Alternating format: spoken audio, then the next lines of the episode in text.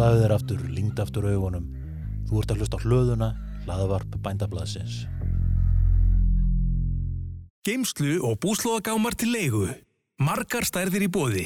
Stolpigámar.is Nú fást stálhillunar frá Metal System hjá Rými. Gæði og góð þjónusta. Rými.is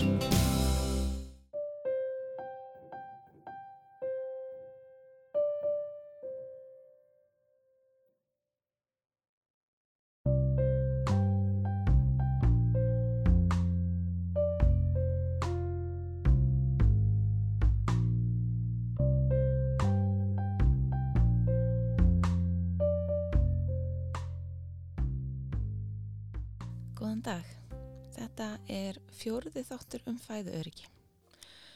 Það urðu nokkur þáttaskil í málefni fæðuöryggis síðastlegin 5. dag, 11. februar, þegar skýsla um stöðu hennar á Ísland í dag var byrt. Skýsla þessi var unnin af Landbúnaðarháskóla Íslands en starfsmennskólans hafa unnið að því undarferðið ár að sapna saman upplýsingum um stöðu matvælaframlegslu hér á landi og meta hver áhrifin yrðu á framleiðsluna ef upp kemur skortur á aðföngum sem nú eru nýtt til framleiðslu á grunn ráefnum. Samkvæmt henni stendur innlend matvælaframleiðsla fyrir töluverðum hluta fæðuframbóðs á Íslandi og þá sérstaklega próteini. Framleiðsla hverjar greinar á þó mið stóran hlut í fæðuframbóði. Íslensk matvælaframleiðsla er mjög háð innfluttum aðföngum og þá sérstaklega elsneiti og áburði en einning fóðri og sáðuvöru og ýmsum tólum og tækjum sem notið eru við framleiðsluna. Þar sem framleiðslu greinanar eru misháðar aðföngum er þið áhrif á skort af þeim mismikil eftir greinum. Ég ræði hér við einn af skýrsluhöfundum sem nálgast þetta ekki aðeins sem fræðumæður heldur einnig sem bondi.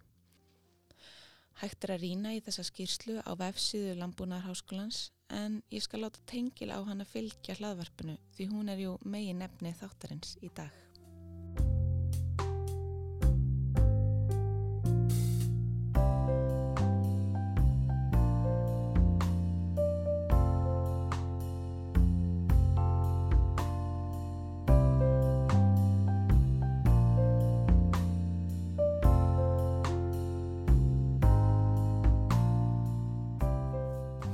Heiti Jóhannes Ömbjörnsson og ég er fættur uppalinn í sveit og bý ennþá á sama stað og ég er alveg upp á Heiðabæ í Þingaldasveit og er bóndið þar með söðfi og kjúklinga og stunda veiði og, og fleira. En annars er ég hérna kannski meira sem starfsmaður landbúrunarháskólans og sem einn af þeim sem hafa verið að vinna í skýslu um fæðuriki á Íslandi fyrir aðdunum við að ráðnitið og en mitt uh, svið þar sem að ég hef lært og, og unni við hjá landbúrnháskólanum að það er fóðufræði og svona búfjárrektin í víðum skilningi búfjárrektin og fóri það er svona mitt svið. Uh, við erum þarna nokkur við landbúrnháskólan sem að koma að þessu og síðan líka eitt frá háskólanum á Hólum. Það er kannski ekkit okkar sérfræðingur í fæður ekki svona fyrir, fyrirfram en hins vegar þá erum við náttúrulega já, með eitthvað þekking á mismunandi sviðum sem að tengjast fæður ekki og við, höfum, við byrjuðum með raunin á því að reyna að taka saman yfirlitt um búgreinanar og þegar ég tala um búgreinanar þá er það, það, það bæði jarðræktin og búfjárræktin. Og jarðræktin er náttúrulega undirstaðan fyrir sumum búfjárræktagreinunum og svo eins og ég nefndi garðirkjuna sérstaklega og fiskaldið og við höfum semst reynd að gera yfirlit um hverja þeirra og meta síðan í kjálfari á því hvaða er sem að í þessum greinum sem að stuðlar að fæðu öryggi og hvaða er sem eru takmarkandi þættir. Og þannig má reyndar geta þess að í fyrsta kabla ritsins að þá eru náttúrulega eru svona skilgreiningar á þýrunni hvað er fæður ekki og hvernig tengist það öðrum svona hugtökum og hlutum sem að skipta máli um, í þessum sambandi. Og síðan er í lok skíslunar að þá eru við með svona já fyrst kabla um, um hérna, bara fæður ekki á heimsvísu þegar við getum ekki hort bara á fæðuriki á Íslandi alveg einangrað við erum náttúrulega, það byggir að hluta til á viðskiptum við önnur lönd, okkar fæðuriki og já, og svo er kapli í lokin sem að svona tekur þetta saman og svona leiðir okkur að einhverjum niðurstöðum Og þá er bara að vippa sér í spurningalistan því hann er nokkuð langur að þessu sinni. Svörin eru svo fræðandi að ég vildi lítið klippa úr þeim og vona að þið hlustendur hafið gagnaf. Fyrsta spurningin var einföld og þó. Hver er staða fæðuöryggis á Íslandi í dag? hún er þannig að við erum býstna sjálfbjarga með að sjálfsögðu fisk til að byrja með og miklu meiri það og svo erum við býstna sjálfbjarga með kjött þó við flytjum reyndar inn nokkuð af kjötti þá þá gætum við getum alveg framleitt allt það kjött sem við myndum þurfa hérna e, og sama gildur um mjölk og mjölkurvörur og við erum erum sjálfbjörgum það og vel það. Og síðan er að grænmeti, þar eru við svona að hluta til sjálfbjörga við framleiðum hérna gúrkur og tómata og, og paprikur eitthvað leiti þetta eins og við þekkjum í búðunum að þá, þá nær þetta yfir mis stóran hluta á árinu frambáðið en sérstaklega tómatar og gúrkur er nær yfir bísna stóran hluta og Íslandingar kaupa, kaupa þessar íslensku vörur svona að meiri hluta þegar þær eru til. En síðan er, eru aðra tegundir, það eru náttúrulega kartöblur þær eru framleitar hér og róur gullrætur, þetta eru svona dæmum sagt útirækta grænmeti sem að er til hérna svona stóran hluta árinu og jafnvel stundum allan, allt árið. Svo eru aðra tegundir eins og, og káltegundir ímsar, blómkál og spergilkál og, og fleira sem er bara til í einhverja mánuði ári en væri rauninni hægt að framlega miklu meira af hérna. Og geimslutekni er orðin góð þannig að það væri að þetta lengja miskusti tíman tölvert uh, og það mætti framlega eitthvað fjölbreyttari hérna plöndu afurðir hérna, það er, það er engin vafa því. Það er auðvitað bara spurningin um auðvitað hvað er hagkvæmt líka þegar þetta er ekki framleitt nema einhver hafi hérna atvinni tekjur að því. Og það er, já, þannig að þannig eru tækifæri allavega. Það er, það er hérna, síðan er náttúrulega ákveðin matvæli sem við bara getum ekkit framleitt, við getum ekkit framleitt ekki allar korttegundunar, við getum framleitt bygg og við getum kannski framleitt eitthvað að kveiti og höfrum, ekki mægis og þetta eru náttúrulega korttegundur sem eru bæði nýjónótaðar til manneldis og, og sem fóður. Þannig að þarna er að svona vantar, eða, verður ekki svo fjölbreytni sem við myndum þurfa nema eitthvað mikið breytist. Uh, svo náttúrulega sama með ávexti, það er ekki miklu möguleikar að framlega þá hérna og svona netur og bönir og svo leiðis, það er ekki, ekki skilirið, það vantar bara meiri, meiri fleiri hérna, gráður, sem sagt, hittin er ekki nægur og sömur er óstutt en já, við erum mjög vel sjálfbjarga hvað varðar afurur úr dýraríkinu en minna sjálfbjarga hvað varðar afurur úr planturíkinu, getur við sagt. Mm -hmm. Og svo ef við svona köfum aðeins ofan í skýsluna Já. og veljum þá eitthvað, veljum þá svona hvert þátt fyrir sig innan greinarinnar mm -hmm. hvað viltu byrja? Já, það er svona svolítið raugreitt að byrja á jarðaræktinni ég held að það sé það er alltaf undirstaðan, það er jarðaræktin og að hluta til þá getur hún framleitt matvæli sem að er hægt að nýta beint til mannaldís en að stórun hluta hérna á Íslandi þá er hún að framleiða fóður og við, við byrjum nú á því að fara hérna, aðeins yfir hérna, skilirinn bara hér á Íslandi í skýslunni og, og það er náttúrulega það sem er takmarkandi þáttur, það er, er hítasteg og lengt sumarsins. Já aðalega reyndar hítasteg, það er sumarið er úti það er farið bísna langt það er, bara, það er aldrei, aldrei mjög mikill híti og það gerir það verkum að, að Ísland er mjög gott grasræktarland. Það, það er oft sagt og það er bara þannig að það er, hérna, gras þarf ekki mjög háan hita til að vaksa það þarf eins og er góðan raka og, og það er svona stöðugt stöðugt hitasteg ekki dóa hátt. Það er henni framleiði betra gras heldur en heldur en ef það væri til dæmis mjög hátt hitasteg og, og lítill raki. Þannig að þess vegna er það ekki tilvílun að íslensku landbúnaður hefur lengi byggst mjög mikið á grasrækt.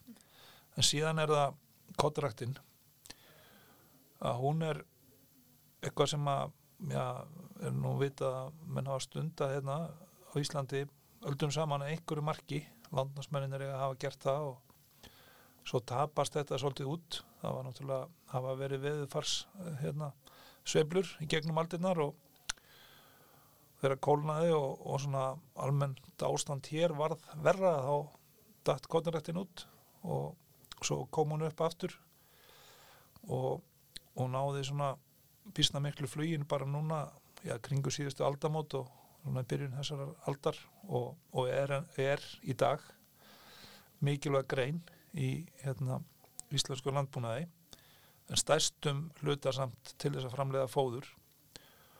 Og það er kannski vegna þess að skilirinn er ekki alveg nægilega góð til þess að framleysla á kornin til manneldis sé örug en með svona ímiskona þróanaverkunum og, og nýsköpuna þá eru að ná lengra í því eins og það að vera að framlega hérna hafra til manneldis og kveiti sem eru tegundir sem að voru lítið þekktar hérna fyrir ykkurum áratögum það hefur aðalega verið byggið og það er þetta að nýta bygg líka til manneldis þannig að þessar tegundir eru, eru allar komnar eitthvað inn og, og hérna og þannig eru við með kannski hægt að framlega þá vörur sem eru hafa hærra verð sem sagt, bóndin fær meira fyrir þetta heldur en hérna fyrir fóðukonnið þannig að þannig eru miklu möguleikar. En það er alltaf þetta með að hittast í svona á nippinu með, með, með að vera nógu hátt og og sama gildir þá náttúrulega líka um ímist konar grænmiti sem að vera að rækta úti. Um, í kottninu þá er það þannig að það er kannski ekki praktíst að fara að nota yfirbreðslur eða eitthvað svona sem við getum nota til þess að íta undir sko grænmetið sem er framleitt á miklu færri fermetrum eða hekturum. En þannig að svona kottnarækt fram til hennar bæði til mannöldis og fóðus þetta veldur táldi mikið á annars vegar veðufari og svo hins vegar náttúrulega framþróun í, í yrkjum, sagt, kynbótum á kodni. Það er búið að vinna mikið í því að fá fram betri yrki sem að geta uh, vaksið við stuttsumur. Garðirkjana hún er skiptist í ylrækt og svo útiræktun og í ylræktinni í gróðursunum að þá er náttúrulega verið að nýta heita vatnið og svo er hægt að nýta rammagnið til þess að lýsa.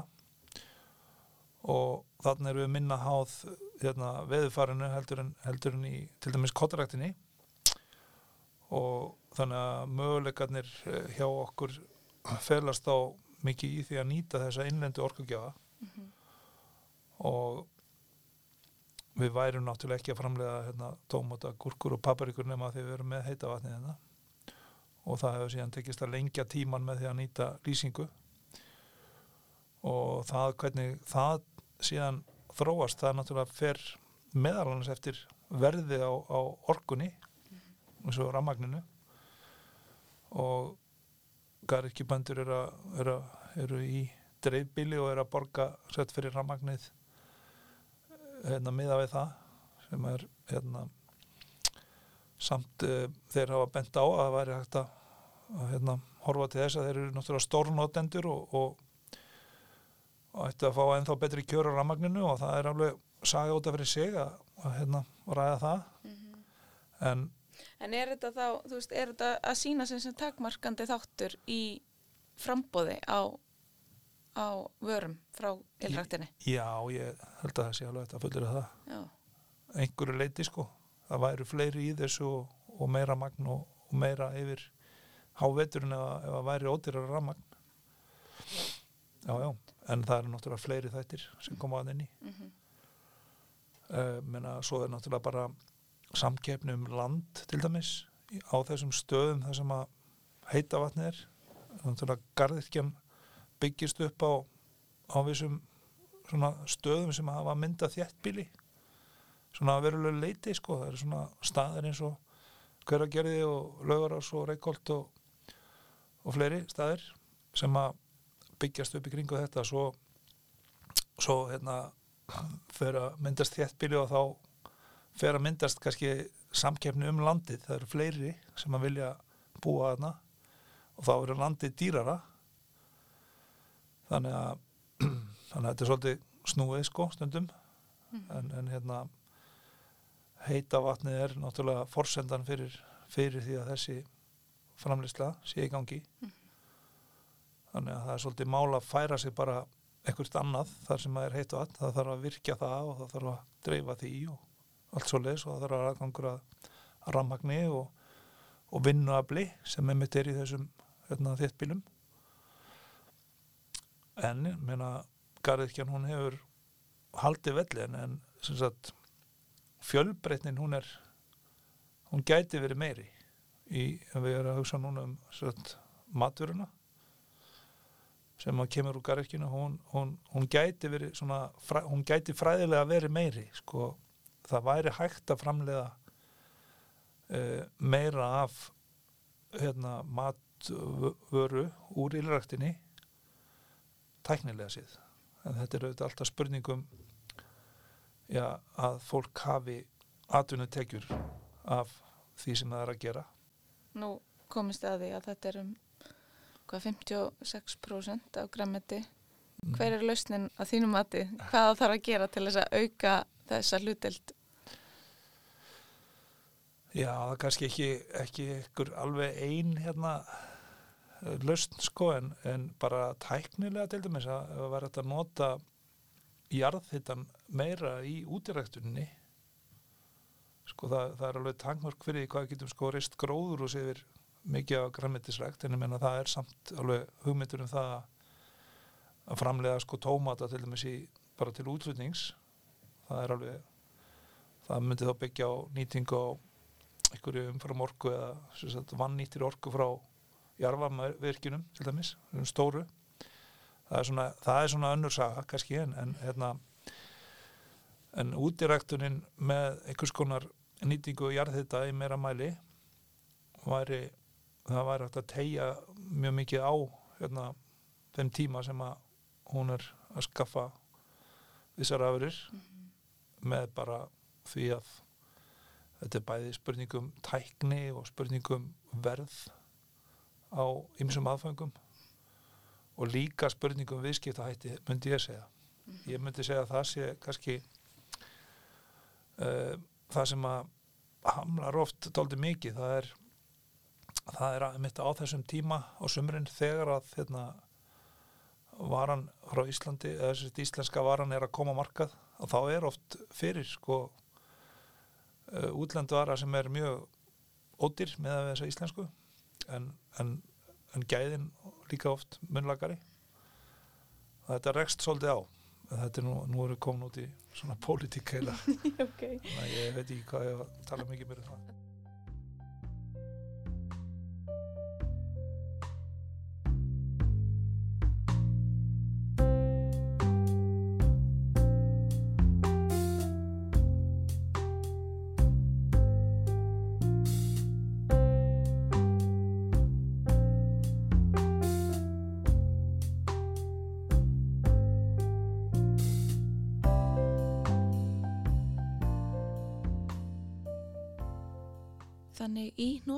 þá er gardirkja nokkuð örug sem framleiðslugrein í landbúnaði. Hún sér okkur fyrir 43% af neyslu okkar á grænmeti og ávöxtum. Hún hefur möguleika á að vaksa og sjá okkur fyrir meiri mat en raunberi vittni. En greinin er háð ymsum aðfluttum aðfengum, svo sem ábyrði í jarvegin, fræm til rektunar, humlum til frjókunar og jarðafna eldsneti fyrir uppskerustörf og flutninga. En úr græmitisræktun förum við í búfjáræktina sem sér okkur fyrir kjöti, eggjum og mjölkuverum. Samkvæmt skýslunni er hlutdeild innlendrar framlegslu 90% í kjöti, 96% í eggjum og 99% í mjölkuverum og getum við prísa okkur sæla við að geta framlegt svo stórt hlutvall ofan í okkur sjálf. En þar með er ekki öll sagan sögð því líkt á með gardirkina er búfjáraktin einning háð aðfengum. Það er þó misjönd millir búfjárhægt að greina hver mikið viðnám framlegslan gæti veikt ef aðstæður myndi breytast skindilega. Ef við svona förum aðeins yfir þetta þá, þá eru náttúrulega við erum með mismunandi típur af dýrum sem að, sem að nýta fóður á mismunandi átt. Við erum, að, við erum með jórtudýr sem sagt kýr og kindur og einhverja geitur og það er lifa, geta lifa miklu lit á grasi Uh, og svo eru við með einmagadýrin sem eru svona dýr sem að melda svona á svipanhátt og við mannskefnan sko. Það eru ekki jórtudýr geta er ekki nýtt sér gras sem sagt við þetta getum hérna nota alls konar grannmeti sem, sem fæðu en hérna geta ekki svona byggt eins mikið á grasi eða sem sagt tréni sér ríku fóðri eins og, og hérna jórtudýrin og þar eru með bæði hérna, spendir eins og svín og svo fuggla og það eru svona viss munur á milli allar þessara tegunda hvað var þar möguleika á með varandi það hvaða fóður geta nýtt. En hérna, kindur og kýr eru svona líkastar eða jórtudýrinn svona innbyrðis. Það er gætu fræðilega sé bara að lifa nánast engungu á grasi en, en í síðan er munur hérna á kúnum og kindunum að því leiti að, að sko við erum að framlega mjölk með kúnum og reyndar kjött líka á nautgripum en, en mjölkur framlegslan og hún er satt, það eru kýr sem við notum í hann annan á stengungu og það er verið að reyna að framlega mjölk allt árið og það er orðið mikil breyting á því og mikil framför í því að, að hérna, mjölku framlegslan hún dreifist yfir árið frá því sem það var í gamla dega þegar kýtnar bara bára á orin og mjölkuðu vel yfir sumarið og svo var minni mjölkuðu veturinn. En, en eitt af því sem að þarfurinni til þess að þetta gangi er að, er, það er að við erum að nota líka kjartfóður með innflutt kjartfóður og við svo getum við nota hérna, bygg sem við ræktum hérna á Íslandi sem svona kolvetna svona uppustöðuna í kolvetna hluta kjartfóðusins þannig að það er alveg möguleikar fyrir hendi og eru nýttir eitthvað leiti og, er hægt að nýta meira. Svo eru söðfið að það það er sára lítil kjartfóðnótkun í söðfið það er svona innan við 5% af fórunu sem að söðfið færð en ef við, ef við höldum svo aðeins áfram með búfjóttegunar þá svínin, þau eru alin mjög mikið á og til dæmis byggar getur verið algjör undirstaði þeirra fóðri. Og það er hægt að rækta það á Íslandi. Og það eru dæmum svínabú sem að rækta allt sitt bygg hér um byll, eða jafnvel alveg. Og fleira, það er rækta repja, ræktu repja. Er þetta þá tegundir bæði þetta bygg og þessi repja eitthvað sem að væri hægt að nýta til mannheldis? Yfirleitt ekki sko. Nei. Nei, svona það er, það er, það er bara býstna mikið, eða svona það er alveg áskorun að framlega bygg og, og annað korn sem hann nær þessum mannældi skeiðum hérna á Íslandi út af lágu hittastíði en það gerist það, er, það næst í góðum árum og á þeim svæðum á landinu það sem að skilir eru best mm -hmm. Þannig að þessi fóðurframleysla þegar þú ert að tala um að gefa þetta kjartfóður sem að er Já. hægt að rækta innanlands og er þetta venjulega fóður sem að væri ekki hægt að nýta til mannaldis. Já, allan að stór hluti af því. Mm -hmm. Og það er rauninni ekki að taka neitt frá hérna, mannaldinu sko. Sest, við, við gætum við gætum forgangsraða eins og við viljum rauninni, við gætum ákveða að nýta bestu svæðin til þess að framlega kotti mannaldis og síðan framleitt uh, hérna, korn fyrir búfið á öðrum svæðum. Og svo eru alifuglar sem, sem eru framleiða bæði, bæði egg og, og kjött það er náttúrulega kjúklingar sem eru hérna, mest, eða stærsta greinin í, í kjötframlýslinu og, einmitt líka hensni í, í að framlega egg. Og svo eru, svo eru framlega kalkunar á Íslandi og það er ykkur endur og svona. Það eru og þetta er svo kjötgrein sem að er, er stærst í dag sko, það er sem sagt mest neysla á, á kjúklingum Hmm. af, kjöttegundunum. Það hefur verið að þróast yfir nokkuð langan tíma. Í þá átt og hérna það er um, þó nokkur takmörk á því hvað er hægt að setja inn hérna, já, hvað er að auka framleyslu á fóðri fyrir, fyrir fugglana hér, það er, það er mjög erfitt. Vegna þess að bygg er til dæmis ekki hérna, tegund sem að hendar fugglum vel. Ekki í svona sko það er allt til að gefa svona hérna haughænsnum bygg og, og allan fjáran í rauninni. Það er, það er, það er nýta, nýta mjög margt. Þegar við erum komin út í svona fóður sem að á að nýta í, í hérna í svona stóri framleyslu eins og er á kjúklingabúnum og í ekki framleyslun almennt að þá, þá skiptir málið til dæmis að, að golf, það sem er, það sem er hérna, fuglarnir eru á taði eða sett bara á golfi sem er svona algengasta eða í kjötframleyslinu þá er það það sem að gildir. Og þá er, er það eru efni í bygginu sem að valda því að, að það verður blöytt undir fuglunum það eru svo kallega beta-glúkanar sem eru í bygginu sem að valda svona meldingar tröflurinn og, og nýtingin líka á fórun er ekki eins góð eins og til dæmis úr kveiti og mæs og mæs er rauninni svona það sem að virkar best. En, en hérna í fugglafóri sem er flutt hérna inn að, sem er blandar endar hérna á Íslandi en, en ráfnin flutt inn að það er, það er kveiti og mæs sem eru svona líkir ráfni og, og svo soja sem þá prótengjafi og það er heldur ekki að framlega það hérna.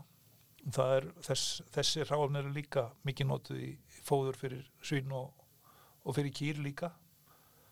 En svona munurinn á annars vegar svínum og góm og hins vegar alfuglum er hægt að nýta fjölbrettari ráfni fyrir kýri, kýrnar og svínin heldur en fyrir fuglana. Bara út af svona hlutum þannig að það er ekki miklu möguleikar á að auka sjálfbarni í fóðuframlisli fyrir fuggla en það eru tölveri möguleikar á að auka sjálfbarni í fóðuframlisli fyrir bæði svín og nautgripi. Ok. Það komum við kannski líka inn á, þegar þú tala um þetta bara inn á neysluminstur og hvernig það hefur verið að breytast. Að fólk er, er, er það að fara að sína sig að neysla fólks á kjöti og mjölkuverum Mhm. og eggjum er kannski að minka lítið. Já, Um, en nú erum við svona þjóð sem að höfum alltaf byggt okkar matur svolítið mikið á, á okkar svona búfjár, búfjö. já, já, já, já, það er alveg rétt. Uh, já, minga, sko, það er reyndar, það kemur svona svolítið upp og niður.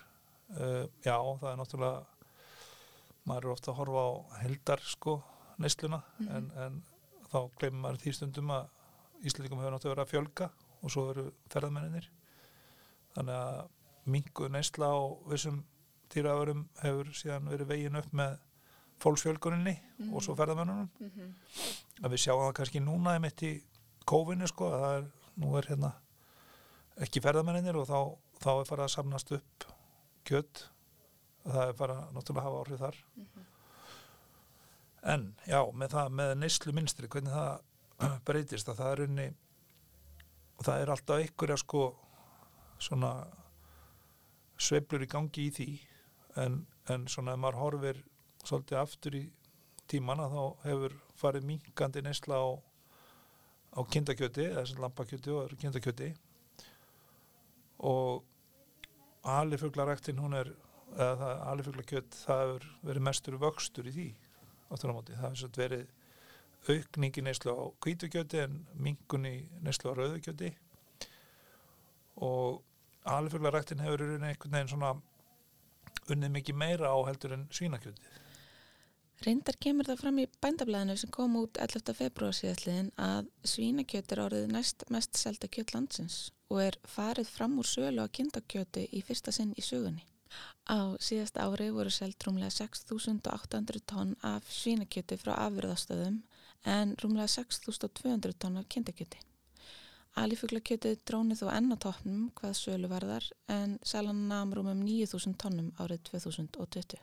Já, Er þetta ekki skrítið því að í rauninni ef, ef að við værum að fara að velja mat eftir því þú veist hvað hendar best að rekta hérna já, já, þá væri í rauninni skinsamlegra að velja lambakjött Já. fram yfir alfuglakjött já, en maður er alltaf að horfa mitt út frá því hvað væri að nota eða svona gras eins og þú segir Já, þessi- hvað kallar þetta, nei jórturdýrin einma, já, einma, ekki Já. einmaga einmaga dýr já, ef við værum ef við ímyndum okkur að við værum lokað land, sko eins og við vorum hérna fyrir 150 árum eða eitthvað að og þá, ég meina, þá voru ekki mikið að svínum og, og alvegluglum hérna, sko, því að þá gátum við ekki flutt þessi aðfengin sem að þurfti en já, en svo bara er þetta það er ekki það sem að ræður neyslunni, það er ekki það hvað okkur finnst hérna uh, veist, hvaða aðfengu við getum framleitt hér, það er bara það er meira það bara hvað fólk kýsa að kaupa í matinn sko, mm það er ekki takt að fara fram hjá því. En hins vegar auðvitað geta stjórnöld haft ímis áhrif á á hérna neysluna en eins og til dæmis sigurskattur er svona síkilt dæmi sko, að við viljum hérna minka nýsla sigri að þá tökum við upp sigurskatt uh, minka nýsla áfengi þá aukum við hérna tolla á áfengi og eitthvað svo leis en ég held að fólk kannski sé ekki tilbúið að fara að reyna að gera upp á milli til dæmis þessara kjötgreina með einhverjum slíkum hætti. En eins og það er kannski má samt ekki glema því að að sko það er einhver ofinber svona stöðningur við já, við þessar greinar. Hann er mismunandi. Þú veist það eru tollar tollar á, á, á kjöti eða á þessum afurum sem að við erum að framlega hérna innflutningstollar.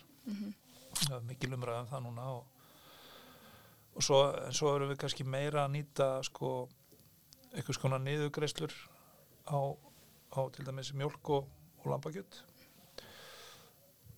og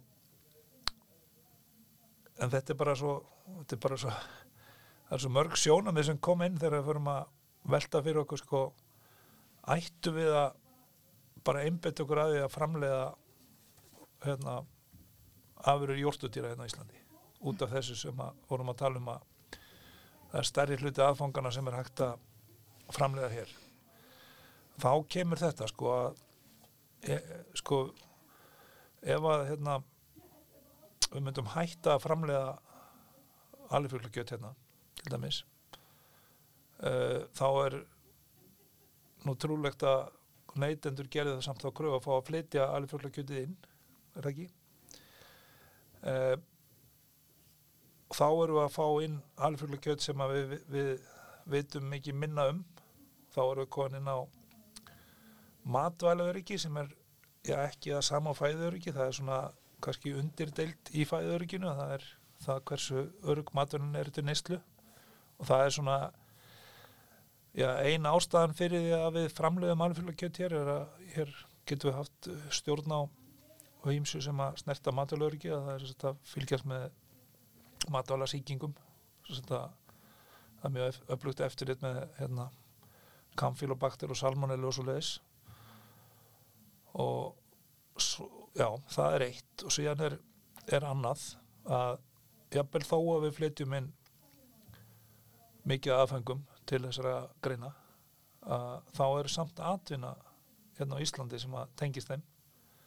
Það er fólk sem er að eru bændur sem er að framleiða hérna, þessar afurir og það eru afurastöðar sem er að, er að vinna úr þeim og, og þetta fer í búðunar og það er eitthvað sem að atvinna því og svona. Þannig að þó að kannski veist, helmingurinn á kostæðinum sé hérna, vegna innflutra af, aðfanga að það samt hinn helmingurinn er eitthvað sem að veitir atvinni hérna á Íslandi. Þannig að það er líka eitt þáttur nýði að þessar greinar eru hérna. Og svo er kannski líka hérna, til viðbótar þá er það þannig að, að sko, þessar greinar hafa allar áhrif hverja aðra. Það er sem sagt ef að til dæmis við myndum vera með eitthvað allt annað kerfi í gangi í alifuglarækt heldur en í öðrum greinum. Og myndum flytja inn á bara á, á legsta verði þá er mjög líklegt að það myndi bara ja, hafa mjög svona miklar afleðingar fyrir hinar kjötgreinar sem að myndu gera það að verkum að, að rekstra skilir þeirra vesna mikið og, og þessi framlegsla geti lagst af Já, því að samleðar áhrifin millir greina eru Já, svo miklar. já, bæði sagt, samlegar áhrif og svo náttúrulega líka þessi, þessi tollvernd sem er á til dæmis alfuglu og svínakjöti hún náttúrulega gerir það að verkum að verðið til neytenda hérna er herra heldur en að það væri að væri engir tollar og eftir innrutningur og þá getur neytendur notið þessi lágu verði vissulega en á móti kæmi að landbúnaður hérna myndi líða fyrir það þannig að það myndi já, mögulega hafa þau áhrif að söðferðattinu og er ekki samkjöfnisvæður og, og frá Ísland. Þannig að það gæti haft þau áhrif að það erði mikið minni landbúnaður hérna heldur en er. Og þá er náttúrulega fæður ekki sem því nefnur uh, já, meira og meira byggt á því bara að við getum alltaf flutt inn og þá er bara spurningi hvað hérna, stefnu sko, þjóðin vil taka í því? Viljum við bara treysta á það að við getum nýtt okkur það? Við erum jú hérna, þjóð sem að getur framleitt fisk og seltan og við getum hérna, fluttinn ferðamenn og, og greitt á því og flutt út ál og eitthvað svona og kaupa bara matinn eitthvað stjórn annar staðar. Við gætum gert það en það er í allan að mínu mati mjög mikil áhætta og er um, það er þetta að nefna ímislegt sem að getur raskað þessu að það eru náttúrulega eins og við höfum talað um að það eru náttúruhanfærir, það eru stríð kjarnorkuslis það eru hérna, heimsfaraldrar og fleira sko þannig að það er væntilega ástæðan fyrir að við erum að vernda íslenska landbúna það er að við erum að tryggja okkur gegn svona svona hlutum sko mm -hmm. þess vegna erum við og, það, og liður í því er að framlega líka sko alifugla og, og svínakjött hérna, þó að væri kannski ódýrar að flytja einn mm -hmm. En tal talandi það um greinar sem að byggja mikið á innfluttu fóðri þá komum við inn á eitt af svona kannski nýri, nýri greinum sem er fiskaldi á landi já, og já. kerjum og bara úti bara sjárutvegin eða þess að það hann líka? Já, já Því að landeldið er náttúrulega mjög aðfengum háð. Já, já. Það er það. Ég er svo sem ekki, það er ekki, þetta er ekki mín sterkasta grein en, Nei, en, en allt í lagi. Við skulum koma aðeins inn á það bara. Endilega, endilega. Mm -hmm. Vi, við byggjum náttúrulega okkar útflutningstekjur mikið á fiskveðum. Já, já. Og á því byggir að einhverju leiti fæðu öryggið okkar. Já, það gerir það. Við getum ekki neyta því. Nei, mjög, mjög mikið sko og bæði bæði beint og óbeint bæði sem sagt vegna þess að við höfum, jú, við höfum þann fisk sem við þurfum hérna og, og svo flytjum við út fisk og fáum gjalderi sem við getum notað til þess að flytja inn aðra maturu meðal annars. Og og svo er það fiskeldið að það er vaksandi grein og og það byggir náttúrulega að hluta til á, á innflutum aðfengum en að hluta til á e, svona hliðarafurðum úr, úr sjáarótvegi fiskimjöl og lísi er, er, eru svona stærstu ráafnin í fiskafóður. Og þar er verið að nýta sagt, já, það eru svona samlegar áhrif millir greina að nýta úrgangur einni og sem fóður í aðra. Mm. og það er endar mjög magnað með fiskaldi að það er mjög margt í gangi þar og, og fiskar sko held, ég held það eitthvað tján sko fiskar ætu bara fiska en svo náttúrulega er maður búin að læra það já, sömur fiskar náttúrulega lifa á hérna krabbadýrum og, og, og krabbadýrin lifa á plöntusöfi og svo framvegis. Þetta eru náttúrulega eftir tegundum hérna, mismunandi flókikerfi. Og og síðan eru þessir fiskar sem eru svona meira að lifa á öðrum fiskum eða einhverjum smádýrum að það er ekkit endilega þannig að þeir þurfi að fá bara það sem þeir fá út í náttúrunni. Það er að þeir, þeir eru reyni það eru næringarefnin sem að skipta máli og það eru þannig með öll dýr í sjálfu sér að það eru næringarefnin sem að skipta máli ekki hvort að já því vorum að tala um kjúklingan áðan sko að, veist, það er ekki aðlatrið hvort þetta heitir kveiti eða bygg sko en af því að það er eitthvað næringarefni í byggi sem að er að tröfla meldinguna á kjúklingum þá er, þá er bygg ekki notað fyrir kjúklinga. Mm.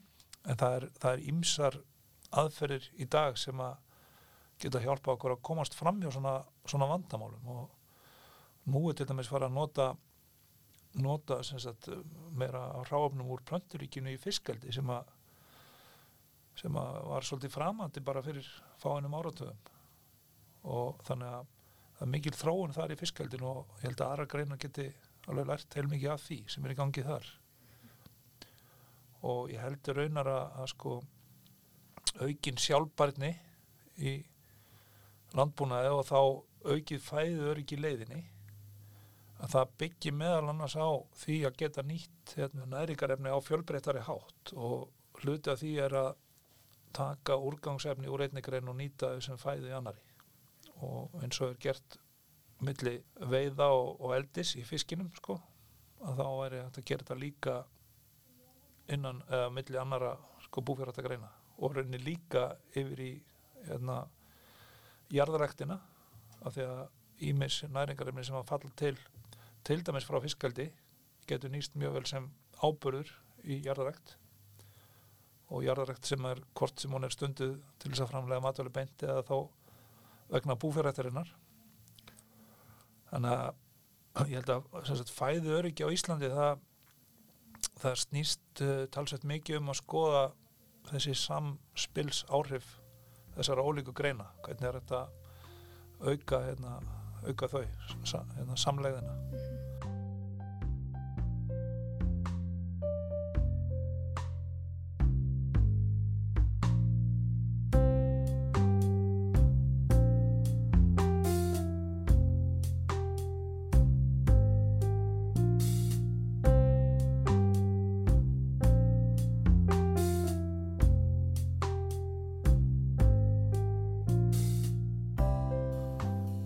náttúrulega annað stóra atrið í þessu held ég að sé orkumálin.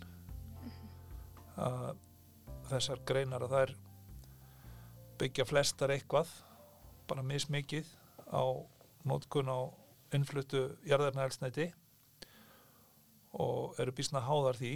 Og, og það, sko, þetta jarðarnaelsnæti er náttúrulega eins og kom aðeins upp að ástæðan fyrir þessari byltingu í landbúnaði svona stór hluti ástæðan fyrir aukinni framlýslu og fyrir því að það eru færri aðalar sem að framlega matinn fyrir fleira og fleira fólk.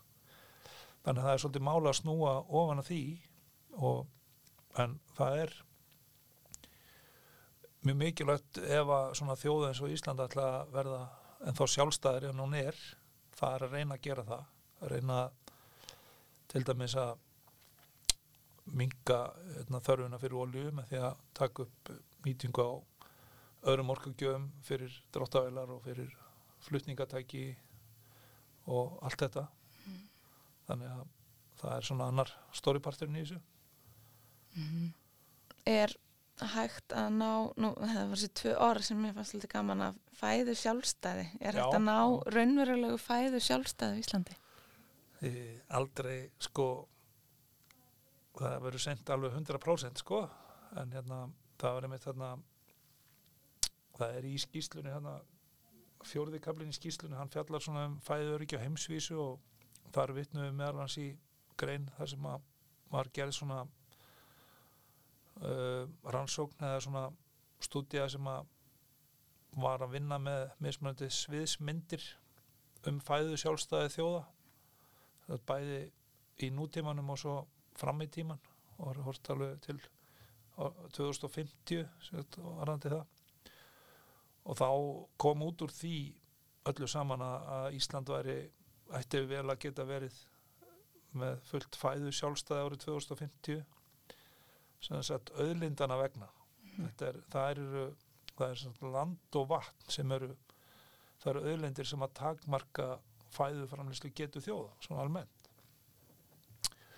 þannig er, er ekki verið að horfa á þetta á neitt mjög flók, engin hátt svona hvað varðar næringarefni og svoleiðis heldur meira bara orku og prótin og hérna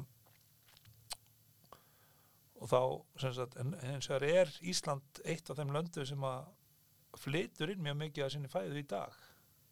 Og til dæmis Ísland og Noregur sem eru hérna nágranna þjóðir eru mjög háð öðrum löndum um fæðu.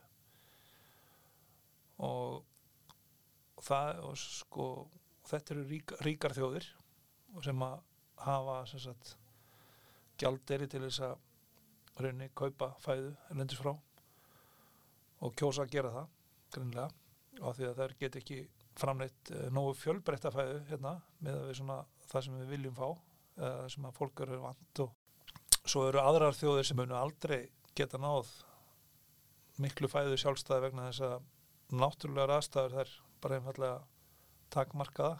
Oft er það þurkar sem að valda í Mm. þetta er eins og í já, hluta Afríku, norður hluta Afríku og, og svo Arabíu skaganum.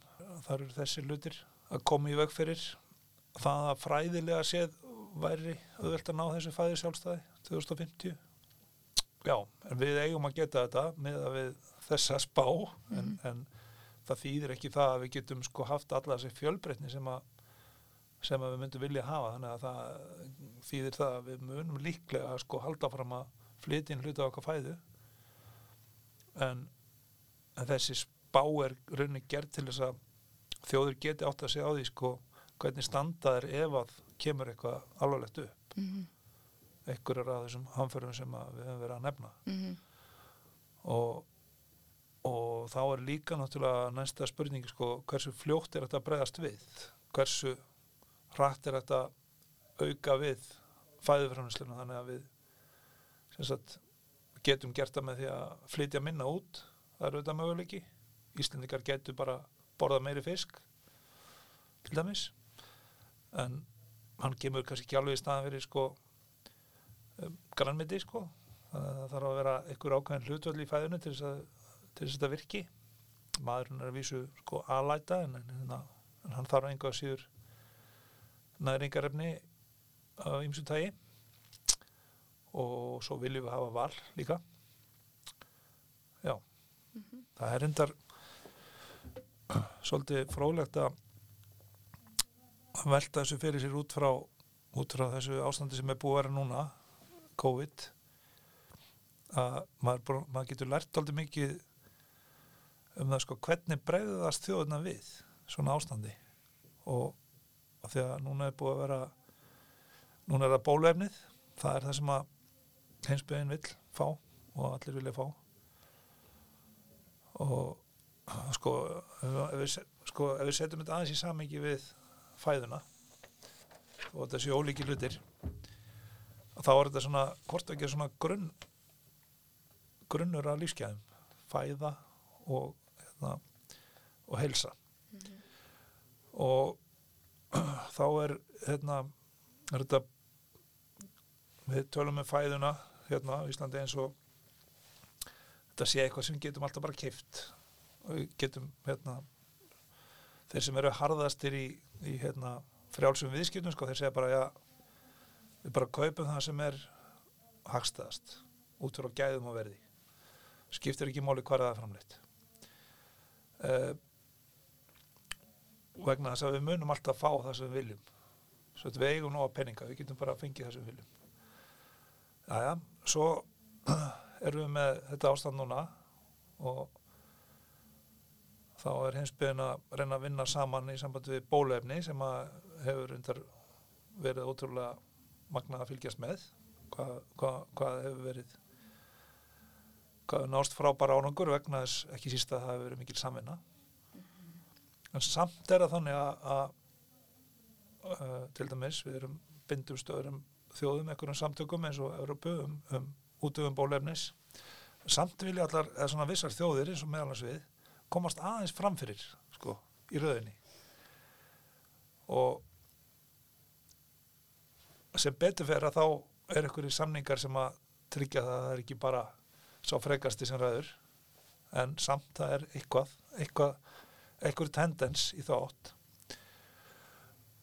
Og það er margt sem að bendi til þess við miður að það er þjóðir sem að vest standa að þær muni líka standa vest í því að fá bólefni og þannig er þetta, er þetta líka sambandið við matinn. Og það er þannig í dag að við stöndum vel að við hérna að því við höfum hérna gjalderi og og svo er aðra þjóðir sem að standa bara mjög illa við ef að kemur hungusneiði innan lands að þá geta þær ekki bara kipt það mat sem þær þurfa. Uh, við getum velt fyrir okkur aðstæðum sem að sem að við hefðum ekki gjalderi það, það gerðist hérna í kreppunni hérna 2008-2009 það það var svona það munnaði ekki dólega miklu að það færi að hafa áhrif á fæðuframbóðin á Íslandi. Sem sagt gjald er í skortur og það hefði áhrif á, á hérna ímislegt en það slapp fyrir hodn uh, svo getum við ímyndað okkur einhverjar aðra aðstæðar eins og til dæmis að er þið kjarnorku slis eða kjarnorku stríð og þá getur það takkmarkað fæðu kaup frá þeim löndum þar sem að geislunin hefði áhrif til dæmis. Og það er þannig í stríði að þá, þá náttúrulega nota menn allar aðferðir og geta svelta hans þengin inni, það er alveg þekkt aðferð. Mm þannig að það er það er dæmi um svona söðismynd það sem að við getum ekki bara keift það sem við viljum sko. Svo getur sjórin spilst. Svo getur sjórin spilst líka. Það er náttúrulega stóra váin hérna sko. Mm. að, að þegar við byggjum okkar hérna yfirburði á sjónum og gældurinn hann kemur það að hluta við erum kannski bæði búin að missa ferðmennina og sjóin úr leik sko. Jafnvel ráðorku kerfi líka sko. Hvað stundu við þá sko? Þannig að það er hægt að teikna upp alls konar sviðismyndir þar sem að þar sem við getum ekki bara keift það sem við viljum sko. Þannig að hérna þess vegna skiptir máli að reyna að auka uh, sjálfsabla hlutfallið mög, sko mögulegt sjálfsafla hlutfall. Það þýðir ekki það að við getum ekki stund að alþjóða viðskiptum með landbúnaður sko, það er engin að tala um það, ég, ég von ekki það, það er mjög mikilvægt fyrir okkur. Og okkar fæðu öryggi það er að eiga viðskipt við aðra þjóðir alveg eins mikið og skynsanlegt er. Mm -hmm. en, en við þurfum að hugsa út í þetta sko hvað ef einhverja svona óvinnilega aðstæði komu upp getum tekið sem dæmi breyta sem eru náttúrulega núna í alveg sérstakri stöðu. Þeir eru bæði í COVID-fárinu miðju og líka Brexit. Og þannig að það er þetta er hagkeri sem að ég var um eitt að kynna mér aðeins söðfjárræktina þar sko hún er bara mjög umfámsmikil og hún er það er bæði mjög mikill útflutningur og mikill innflutningur. Það sem möndi líka beinast við á þeim er að bara hætta hverju tveggja sko. Kannski gera þér það. Mm -hmm. og það er það sem að getur gerst við svona aðstæður eins og svona já bæði í stríðum og, og í faraldrum og, og svona þá, þá loki haggjörnum sér af. Og þá þurfa þau að hafa líka rétt til þess án þess að við viljum það kannski til lengri tíma að vera að loka okkur svo mikið af að þá þurfum við að geta beitt í þeirra þá við og þá þurfum við svona uh, svona ferla eins og þetta á, áhættu greining er. Og þannig að það er það sem að mér finnst meðan hans hafa lært á því að vinna þessar skýslu er að, að það þarf að hafa eitthvað svona raunveruleg ferli, það er ekki nóg að segja bara já við viljum að Ísland hérna, tryggir sig hvort fæðu sjálfstæði og, og fæðu öryggi þurfum að hafa eitthvað sko tól og tæki til þess og það er tilfullt af þeim sem sagt alþjóðlega eins og, eins og þetta mm -hmm. Kanski er það sem að vera að vera að gera snúna í framhald að þessari skíslu Gæti verið, gæti verið, já, vonandi En nú ert þú bóndi? Já, ég er bóndi já, já. Hvernig, hvernig lítur þetta málefni við þig sem einstaklingi og sem bónda?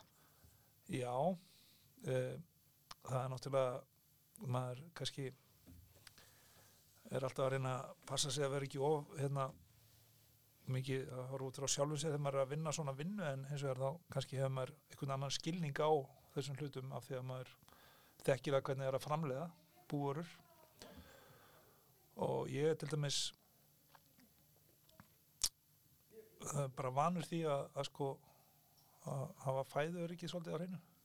Það, hérna, það er svona kannski bara eitthvað sem að týðkast meira í sveitinu þar sem að fólk er að framlega sín, sín mat og líka fyrir aðra þá, þá passar að segja eiga alltaf hérna nóg, til dæmis við hefum alltaf lambakjöt sko til ársins og við framleiðum kjúklinga og, og hérna tökum alltaf eitthvað heim til eigin neslu og, og svo erum við náttúrulega að selja líka eitthvað beint og, og líka hérna erum við að veiða í Þingvallavatni og seljum það og við eigum fyrir sjálf okkur þannig að maður er svona vanur í að að hafa svona, hvað að segja allavega þess að fæða úr dýraríkinu svolítið svona stóran hluta henni sem að er framleitt heima.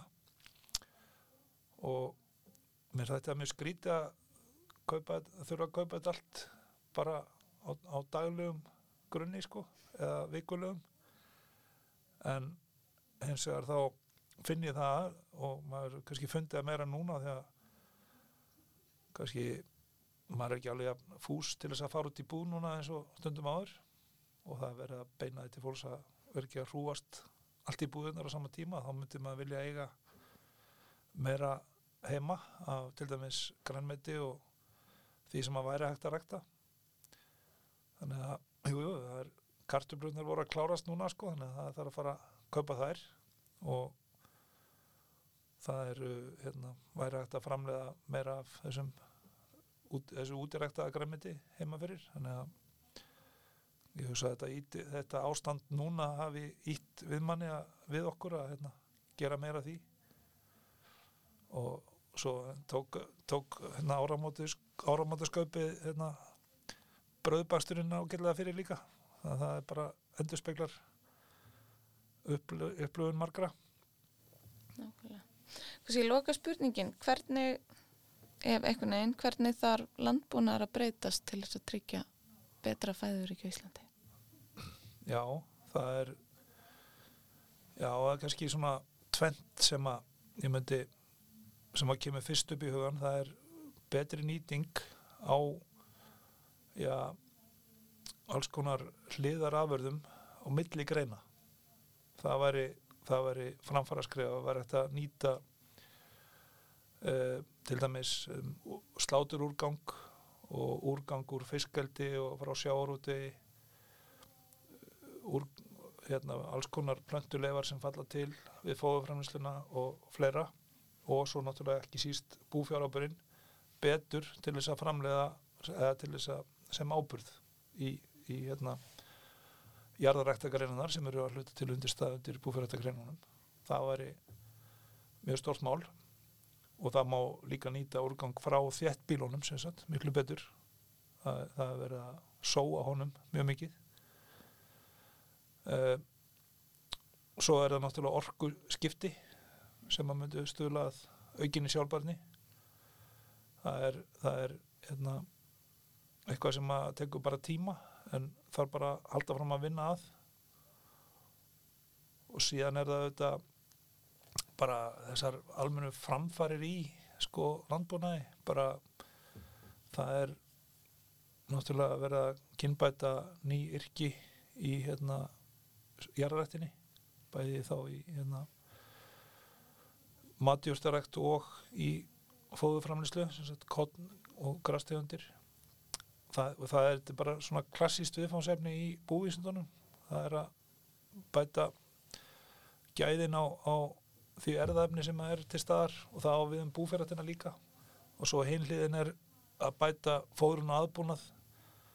Alltaf, það er alltaf stöðut við þannig að raunni finna betri aðferði til þess að, að hérna, framlega þær aðferði sem að við viljum fá á sem hagstæðastan hátt. Samsetningin sé góða afhverjum það fóður getur haft áhrif á það. Og líka að sé sem minnst sem að ferði spillis að fóðri, það sé góð nýting. Og þá líka góð nýting á, á öðrum aðfengum í leiðinni og, hérna, og þessum undirstöðum eins og, eins og húsnæðinu sem að þarf að nota í, í þetta og svo landinu og þannig að það er svona má ekki gleyma þessum bara almennu sko rannsóknum í, í landbúnaði það þarf að halda þeim áfram líka. Og svo, já, og svo bara þarf að forgangsraða.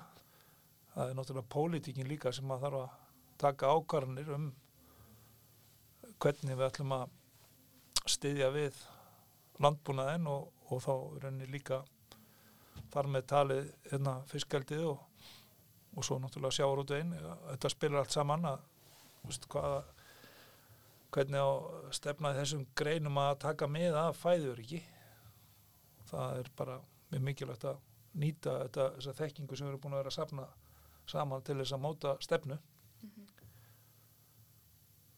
Þannig að ég held að þar þurfum við að horfa til þessar að þátt að svona raunsægi bara hérna, hvað er það sem að þarf til að auka þetta öryggi? Hverju ættu við bara að sleppa að hugsa um það er ákveðni hluti sem við getum ekki framleitt hérna og, og sjálfsögða að hérna reyna að halda áfram að stunda eðlilega viðskipti og aðra þjóðir með þar vörur sem að við annars vegar getum flutt út og hins vegar þurfum að flytta inn mm -hmm.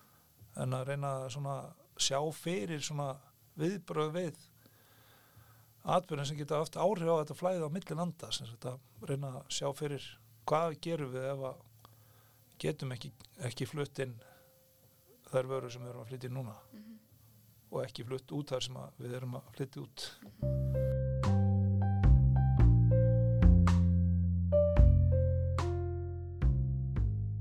Ég þakka Jóhannesi Sveinbjörnsinni fyrir mjög áhugavert samtal um stöðu fæðuöryggis á Íslandi dag. Tengil á umrætta skíslu mann álgast hér í texta með hlaðvarpinu en réttar að geta höfundaskíslunar. Erla Sturldudóttir rittstýrið henni á samt Jóhannesi. Höfundarefnis eru þau Erla Jóhannes á samt Guðna Þorvaldsinni, Guðreiði Helgadóttir, Ingólfi Guðnasinni, Ólafi Inga Sigurgersinni og Þóróti Svensinni þá þakka ég hlustendum fyrir mjög góð viðbröð við þáttaröðinni. Nú hef ég hugsað mér að snúa mér frá stjórnsýslulegri hliðmálefnisins yfir í aðeins einstaklingsbundnari og taka fyrir fæðu öryggi heimilsins næst. En segjum þetta gott að sinni. Verið sæl.